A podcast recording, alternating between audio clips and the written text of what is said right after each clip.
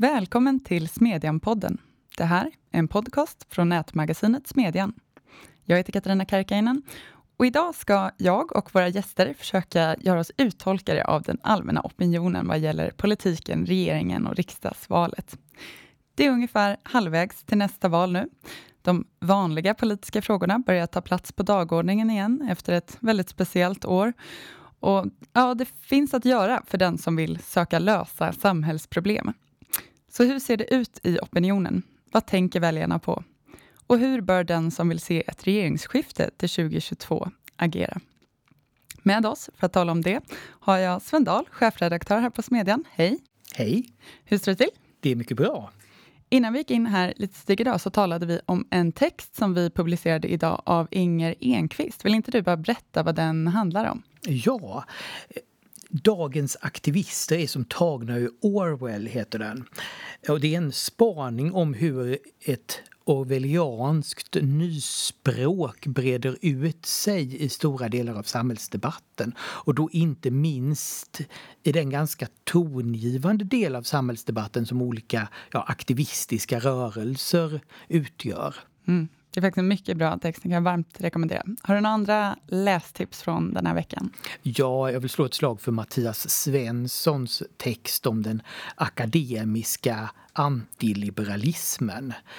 Eh, Mattias har skrivit en väldigt läsvärd genomgång av mycket av den akademiska forskningen kring marknadsliberalism och marknadsliberalismens genomslag under, under 80-talet och konstaterar att det här är ett forskningsfält som bygger på premissen att den här samhällsutvecklingen skulle vara dålig.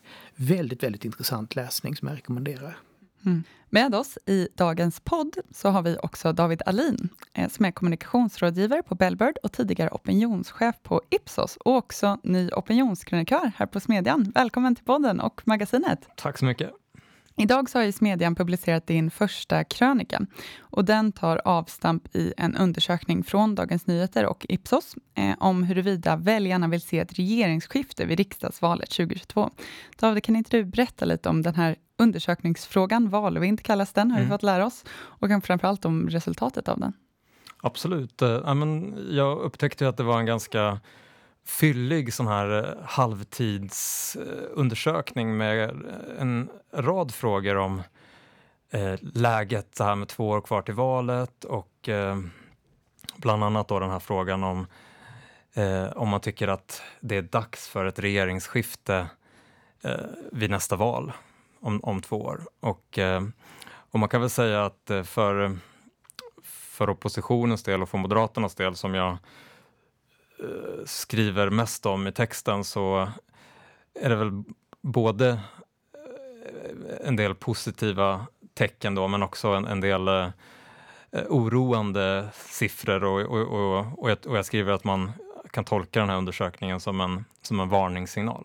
Undersökningen visar ju att, en, att det finns en majoritet bland väljarna som tycker att, eh, att det är dags för ett regeringsskifte men samtidigt så är det bara en dryg tredjedel som eh, svarar att man tror att Moderaterna skulle göra ett bättre jobb än nuvarande regering. Och eh, det där tycker jag är intressant. D där finns det ju ett, ett förtroendegap som man kan fundera mm. på vad det, vad det beror på. Mm.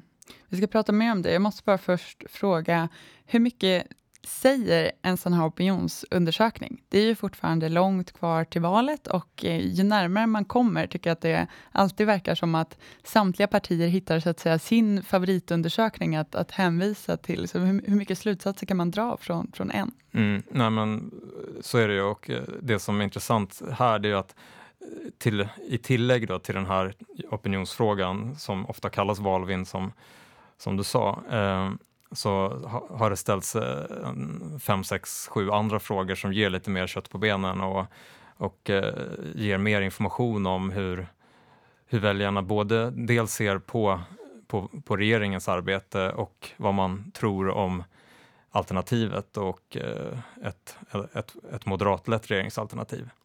Så att tillsammans så blev det en ganska intressant mm. beskrivning. Mm. Ja, en annan fråga som mer rör den här eh, metoden, när vi ändå har en expert här på plats. Och det är Eh, liksom varför primärt som man ska tycka att sådana här opinionsundersökningar är viktiga, vilket jag ju liksom gissar utifrån det svaret du gör. Eh, för det, de har ju flera roller, så är det liksom mest som just uttolkare av väljaropinionen eller som faktor som i sin tur kan påverka väljarbeteenden om ett parti eller block ligger liksom högt eller lågt eller riskerar att åka ur eller inte få majoritet eller som tredje alternativ en faktor som påverkar hur partierna mår och antingen så att säga dra ner dem lite grann eller ge dem ny energi beroende på resultatet. Det kanske också kan skilja sig, eh, alltså vad, vad, som är den eh, primära funktionen kanske kan skilja sig åt beroende på hur pass nära ett val man är. Mm. Jag tänker att det faktiskt handlar om alla de där faktorerna samtidigt. Och eh, det publiceras ju olika väljarundersökningar hela tiden. Eh, de som får mest uppmärksamhet är ju de här som kommer varje månad om vilka partier, vilket parti som, eh, alltså partisympatiundersökningar. Och sen har vi väljarförtroende för partiledarna. Men det finns ju andra frågor och andra undersökningar som ofta säger mer. Och, eh, och, och, och med min bakgrund som analytiker så tycker jag att det är intressant att titta på alla alla de här mätningarna och försöka så att säga göra en sammanvägd, få en, få en helhetsbild och göra en sammanvägd analys. Mm. Eh, men eh, partierna eh, hävdar ju att de så att säga lyssnar på väljarna och, och inte tittar så mycket på mätningar, men det vet vi ju att det mm. stämmer inte riktigt, utan det är ett väldigt intresse för väljarundersökningar bland pers personer som jobbar på partierna. Mm. Om vi ska återgå till det här själva resultatet som du nämnde. Fler än hälften vill ha skifte, men bara 37 procent av väljarna tror att nästa regering kommer att ledas av Moderaterna och inte fler än 36 procent tror att en regering ledd av Moderaterna skulle göra ett bättre jobb än den nuvarande. Mm. Så det är ju så att säga ett, ett gap. Hur, hur tolkar du det här? Ja, men det, jag tolkar det som att det finns en eh, väldig osäkerhet kring vad ett moderatlett eh, alternativ är för någonting idag. Och eh, det är ju å ena sidan naturligt för att det är två år kvar till valet. Eh, partierna kan inte ge så klara besked än. Eh, men i de här siffrorna så, jag tycker också siffrorna talar någonting om att det kan, liksom, det, det, jag gör tolkningen att det finns en osäkerhet också kring, så att säga, vad blir det för tyngdpunkt? Eh, vad blir det för så att säga, sakfrågemix?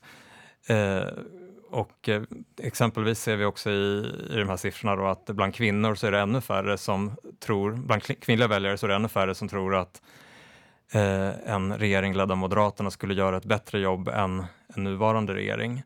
Och eh, det tycker jag skvallrar lite om att eh, det, frågor som kvinnliga väljare oftare tycker är viktiga kanske inte har fått ta tillräckligt mycket plats. Eh, det kanske lutar lite för mycket lite för tungt åt, eh, åt vissa sakfrågor. Det, jag menar, nu har vi haft en väldigt speciell period i politiken, dels på grund av eh, pandemin naturligtvis, men också för att eh, eh, frågor om brottslighet och gängkriminalitet har tagit väldigt stort utrymme i, i samhällsdebatten under lång tid och det är ju för Sverige, om man ser lite historiskt, så är det ju ovanligt att de frågorna dominerar samhällsdebatten och den politiska debatten.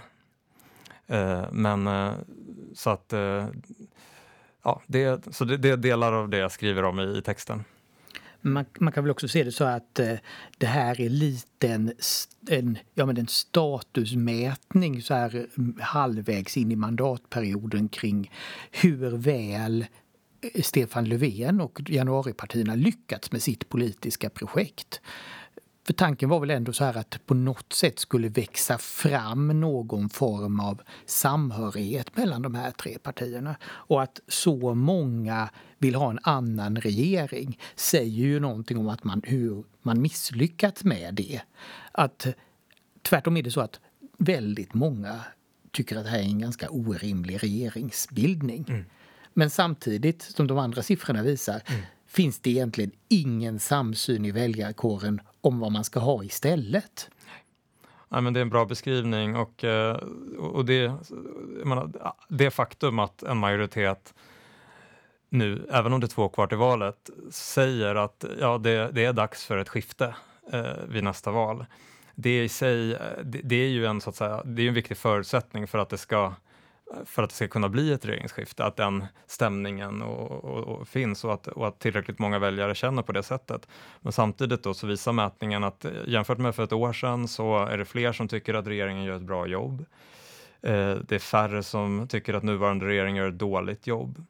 Eh, de mätningar som har handlat om coronastrategin och Sverige, så att säga, ja, hur, hur Sverige har valt väg och, eh, och hanterat eh, coronakrisen, de visar ju att, eh, att regeringen har ett ganska stort stöd för, för den här avvägningen mellan eget ansvar och, och begränsningar och restriktioner och sådär. Så att, så att det, det, det, det är signaler åt, åt båda hållen. Mm. Och, och det, så det är på det sättet det är en spännande mätning. Ja, för Moderaterna är ju lite utmaningen att tidigare har det i ett sånt här läge när du har haft en ganska impopulär socialdemokratisk regering räckt med att kunna säga titta, vi vill byta ut den här regeringen. Och det har varit ganska tydligt om hur det skulle gå till, vilket alternativ man har kunnat erbjuda. Men det är det inte längre. Och då blir, ju, blir det ju väldigt mycket mer komplicerat för väljarna att ta ställning till om det är en bra eller dålig sak. Och, eh, och, och, bara om man tittar lite snabbt på opinionsläget, de här vanliga partisympatimätningarna, så har vi ju nu ungefär samma opinionsläge som för två år sedan. Eh, Sverigedemokraterna ligger lite starkare, men annars så ser det ungefär likadant ut som det gjorde för två år sedan och det visar ju också att att Moderaterna och oppositionspartierna har inte lyckats flytta så mycket väljare från eh, de här samarbetspartierna då, i det här januarisamarbetet. Mm. Eh, och eh, återigen då, om man ägnar sig åt att fundera på hur det sett ut i historien så här, så, så här mitt i mandatperioden så brukar det ledande regeringspartiet vara ganska tillbakatryckt i opinionen. Mm. Eh, och, eh, men nu eh, ser det inte riktigt ut så jämfört med, jämfört med föregående mm. valresultat. Då. Och nu ligger Socialdemokraterna på ungefär samma nivå som valresultatet för två år sedan. Mm. Så att det, det, är också en liten varningssignal. Men bortsett från, bortsett från den här coronapiken som ju, som ju mm. Socialdemokraterna hade i opinionssiffrorna men som har avtagit nu. Så det är egentligen en fascinerande stabilitet detta. Givet, med tanke, givet hur diskussionen sett ut och givet den kritik som ändå finns mot regeringen från många håll. Och inte minst vad gäller det, eh, regeringens förmåga att hantera då de stora frågorna kring gängkriminalitet. Mm. David, du skriver ju att eh, givet det här förtroendegapet och inte minst eh, resultatet vad gäller de kvinnliga väljarna, att eh, Moderaterna måste ge utrymme till andra tunga sakfrågor, eh, förutom då brott och straff. Jag tänker att det där är ju svårt. Eh, hur mycket utrymme och energi man ska lägga på olika frågor som politiskt parti. För jag tänker att för andra väljare så kan det ju samtidigt verkligen vara en hygienfaktor och själva utsträckningen i hur mycket man pratar om det här kan vara det som avgör om man lägger en röst på, i det här fallet, Moderaterna i, i, i slutändan. Eh, för att jag tänker att det är väl ett av liksom, Sveriges mest absoluta akuta samhällsproblem och kommer antagligen spela en stor roll också inför eh, nästa val. Det känns som att om man ska liksom täppa till ett hål någonstans så kanske det uppstår ett nytt någon annanstans. Precis så är det ju och eh, det här är ju på inget sätt enkelt, utan, men jag tror att eh, för Socialdemokraterna och Moderaterna som har den här ambitionen att vara breda partier och mm. kunna samla eh, en, ko en koalition, leda en regering och eh, så är det viktigt att eh, försöka hålla den här balansen och försöka mm. att eh, hela tiden lyckas prioritera och lyckas höras och synas i, mm. i flera tunga eh, frågor mm. över tid. Och, eh, och det jag bland annat nämner i, i den här texten det är ju det här frågekomplexet som handlar om eh, ekonomi, jobbskapande. Jag menar, mm. idag, eller om det var igår, kom eh, Moderaternas budgetalternativ. Det, det är absolut det är en av de två högst prioriterade frågorna om jag uppfattade artikeln rätt. Men det, där, mm. där tror jag att det finns större möjligheter att, eh, att också hitta, att så att säga få fram eh, skillnader i sak. Mm. Och, eh, att, och att få fram en tydlig konfliktlinje, inte bara med Socialdemokraterna utan också med Sverigedemokraterna. Ett exempel på en fråga som skulle kunna få mer utrymme och som, som också skulle ha potential att, att flytta lite fler väljare om man blickar mot valet om två år. Just det, precis. Jag tycker att det verkligen var en av de viktiga poängerna i, i din krönika, när vikten av ekonomi och jobbskapande. Hur skapar vi välstånd och gör kakan större? Det är verkligen en fråga som vi kommer behöva ägna oss mer åt framöver. Och som du skriver så finns det en tydlig konfliktlinje. Eh, och att förutom att vara viktig i sig, så, att säga, så skulle det kunna vara eh, en viktig strategisk fråga att driva. Kan du berätta lite mer om liksom, på, på vilka sätt och hur mycket, hur mycket har man att vinna? Jag tror att äh, partierna måste ju utgå från sin analys av äh, hur Sverige ser ut och vilka samhällsproblem man ser. Och, äh, och det, det, det gör ju alla, alla partier mer eller mindre. Och sen så är det ju en konst att, så att säga, sen också göra det på ett sätt som engagerar väljare, som gör att väljare lyssnar och även då de som inte redan är frälsta utan som kanske har partiet som ett av, av flera tänkbara val. Och, eh, och det, är ju, det här är ju en extra stor utmaning för de partier som vill eh, locka en, eh, liksom en, bred, en ganska bred väljarkoalition. Och så, är det ju, så har det ju alltid varit för till exempel Moderaterna och Socialdemokraterna att eh, lockar man någonstans mellan 20 och 30 procent, då är det ju då lyckas man locka ganska olika typer av väljare. Och mm. eh, det är jättesvårt. Mm. Eh, men eh, det är vad man måste klara av, tror jag, för att, eh, eh, för att få till ett regeringsskifte som vi började prata om för en liten stund sedan. Och om, om man igen tittar på väljaropinionen så jag tittade tillbaka lite här i förmiddags, eh, även de månader när Socialdemokraterna varit som allra mest tillbakapressade under den här mandatperioden och det har varit eh, ja, tal om kris och så vidare, så har eh, Moderaterna, Sverigedemokraterna och Kristdemokraterna ändå inte lyckats samla ihop mer än ungefär någonstans mellan 45 och 47 procent tillsammans i mätningarna. Och, och det tycker jag också säger någonting om att det, det kanske så att säga uppfattas som lite för smalt eh, och att den där bredden saknas för att det ska riktigt fungera som ett, mm. som ett regeringsalternativ. Jag tänker också att en sak som framgent kommer att vara viktig är att koppla samman frågorna som rör arbetsmarknad, integration och eh, brott och straff på ett trovärdigt sätt. Eh, för jag tänker att ett problem är just att det finns eh, begränsat med utrymme och energi och det kanske inte framförallt handlar om liksom, partiernas utrymme och energi, att en partiledare också bara har 24 timmar på dygnet, utan den här kakan som man måste fördela kanske eh, framförallt handlar om väljarnas perception. Men om man då lyckas koppla samman de här eh, olika frågorna, så kanske man också kan nå någon, något slags sån optimism som du efterfrågar. Eller vad, vad, tror du att den skulle kunna bestå i? För den skriver du om i din text, mm. att den saknas idag. Mm.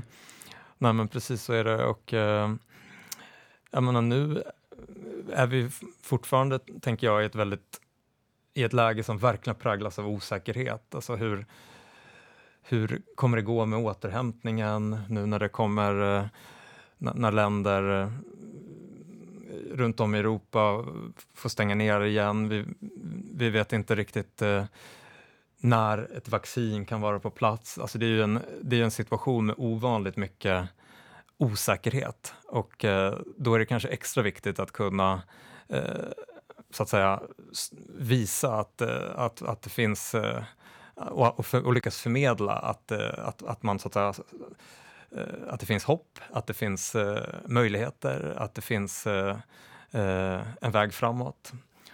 Och det tror jag är viktigt för alla partier och alla partiledare just nu. Mm. Jag tycker det här sätter fingret på någonting som är ganska klurigt i Moderaternas situation just nu. För den moderata koalitionen har ju alltid haft en ganska stor del personer av, som varit den här gruppen som ser väldigt ja, men positivt på framtiden både för sig själva och för samhället i stort. Vi kan säga så här, folk som är välutbildade och flyttar till Stockholm och vill göra karriär, den typen av personer. Och vad som hänt nu är ju att Moderaterna har försvagats i den här gruppen. Och problemet här tycks ju vara att för väljarna i den här gruppen är, frågorna, är rättsfrågorna, frågorna om, om gängkriminalitet så mycket mer än ett samhällsproblem utan att det är väldigt mycket en symbolfråga. Ska man verkligen tillmäta den så stor betydelse, frågar många sig. Är inte det att överdriva problemen? Alltså hur ska man hur ska man navigera det landskapet? Jag tycker det är oerhört svårt. Samtidigt som vi kan se att detta är sannolikt det stora samhällsproblemet. Mm. Mm. Det var en person jag pratade med som sa, som kanske passar in på mm, den där beskrivningen du gör, som sa att eh, ungefär så här, ja men det där är ju liksom eh, nästan en hygienfaktor. Alltså där mm. måste Moderaterna vara bäst och, mm. Eh, och, och där och, och, och, och, frågorna är absolut jätteviktiga. Så att, så att jag är inte säker på att det, så att säga, att det kanske är det det handlar om, men, men, så att säga, men räcker det att, att förlänga straffen? Räcker det att få fram fler poliser? Jag, jag tror att många tänker och ser den här kopplingen. Alltså, lyckas vi inte få fart på ekonomin, lyckas vi inte få fart på jobbskapande och, och, och, och, och skapa förutsättningar för för en stark ekonomi, då, då kommer vi inte klara brottsligheten och gängkriminaliteten heller på lång sikt. Alltså att, att de här frågorna verkligen hänger ihop, som du sa för en liten stund sedan. Mm. Uh, där tror jag att det finns någonting, att, uh, att, att lyckas få ihop de här frågorna. Men vad säger du själv som svar på den frågan då Sven? Du har ändå skrivit om Moderaternas ideologi och historia i många olika sammanhang. Hur har partiet navigerat i det här spänningsfältet mellan optimism och realism och kanske mellan olika eh, politiska frågor och hur skulle du jämföra det med vad de gör nu?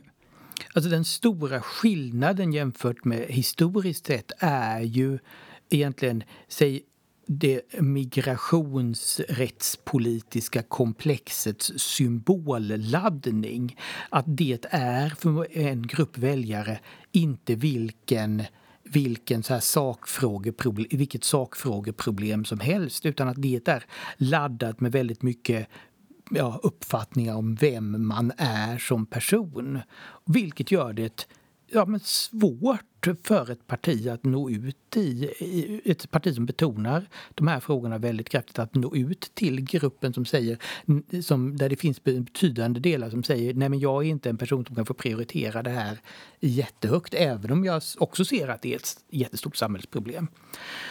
Um, så att det här är, jag skulle säga att det är den stora skillnaden. Men annars är ju nyckeln för Moderaterna har ju alltid varit att kunna vara den, den, en samlande kraft i, på den högersidan i, i, i svensk politik.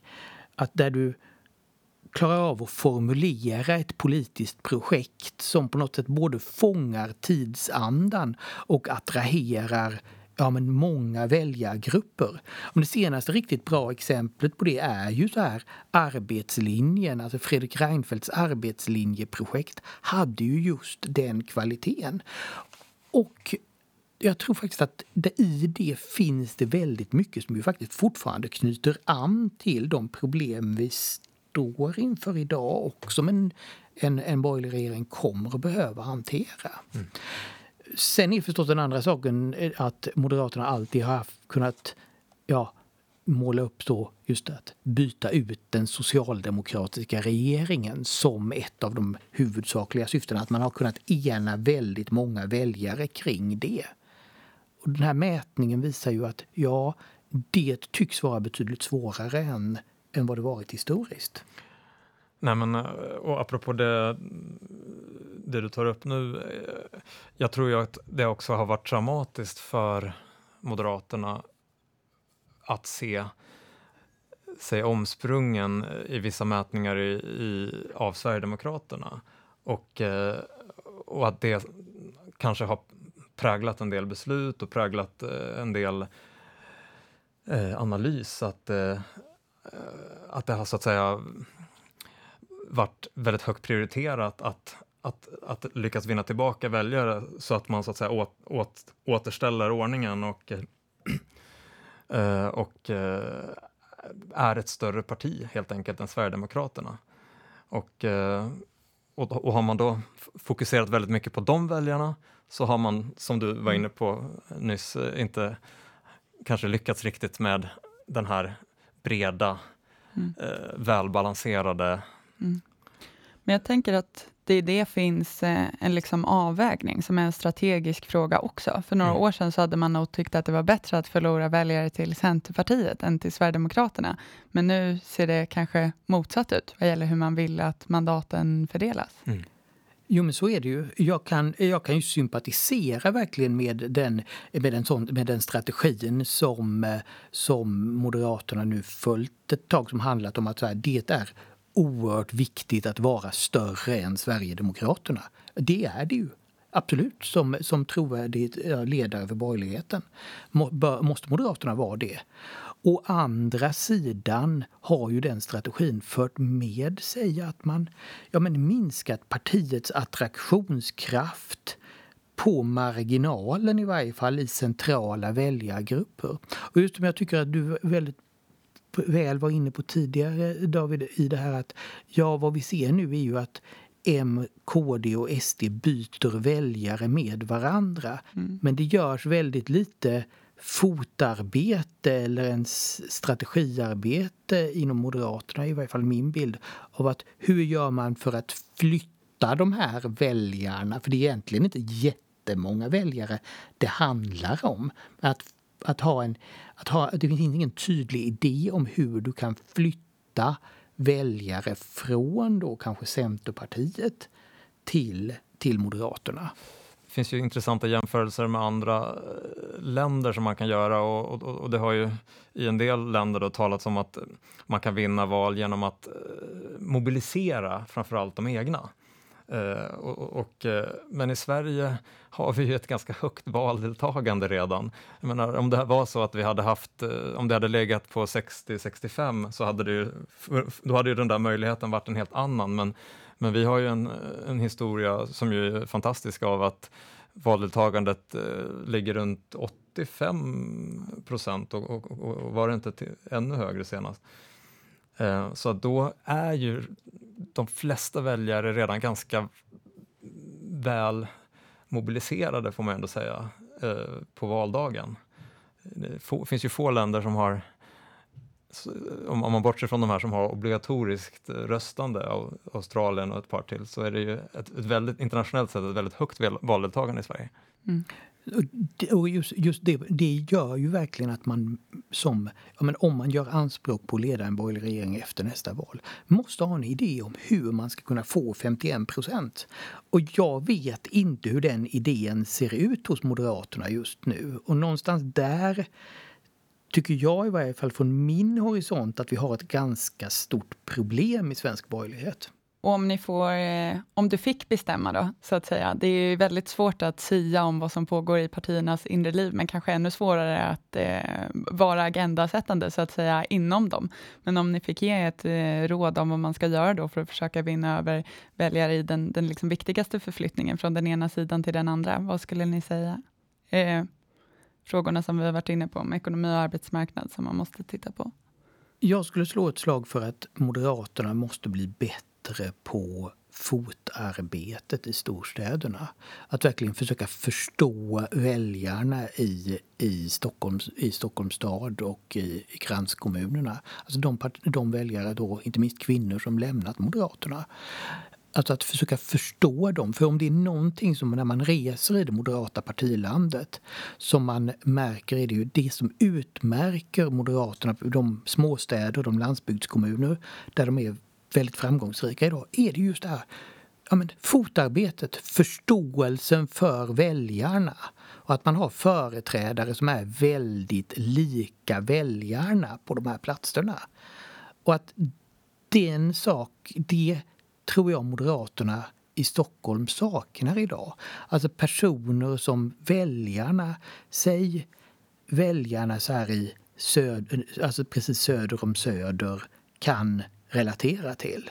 Mm, nej, men också tänker jag att jag, jag, upplever att Socialdemokraterna är ganska mycket tillbakablickande just nu. Det låter ganska nostalgiskt ofta när, när det talas om så att säga, hur, hur vi ska lösa våra stora samhällsproblem. Eh, jag tror att det finns en, en, en möjlighet eh, nu för att, att, att prata mer framtid och att våga eh, fokusera mer på sig, på sig själv och sin, sina egna idéer och sin egen politik och så att säga våga eh, stå för den och stå för den här bredden som jag uppfattar och egentligen finns och, eh, och den, så att säga, den, eh, liksom det som jag alltid har uppfattat som viktiga liksom, drag och, och, och, och kärnan i, i Moderaterna, den här liksom, ja, som du var inne på tidigare, den här liksom, optimismen och teknikoptimismen och liksom, tro, tron på att eh, eh, ja, liksom nyfikenhet på framtiden, på omvärlden. Eh, lite mer av det tror jag skulle gott kunna få plats. Ja, och precis som du säger, det här har ju varit någonting som burit Moderaterna under så lång tid, egentligen från 1970-talet och framåt. Att, att det moderna partiet Moderaterna är ju byggt på just att vara det optimistiska och framåtblickande partiet i, då, i, ja, i kontrast till Socialdemokraterna. Det tror jag får lov att bli våra sista ord för idag, för vi måste börja runda av. Och jag och Sven får lov att säga varmt tack till David Alin för att du var med oss här idag. Tack själv. Davids krönika, liksom de andra texter som vi har nämnt, hittar ni som alltid på timbro.se smedjan. Vi ses där och hörs igen här om en vecka.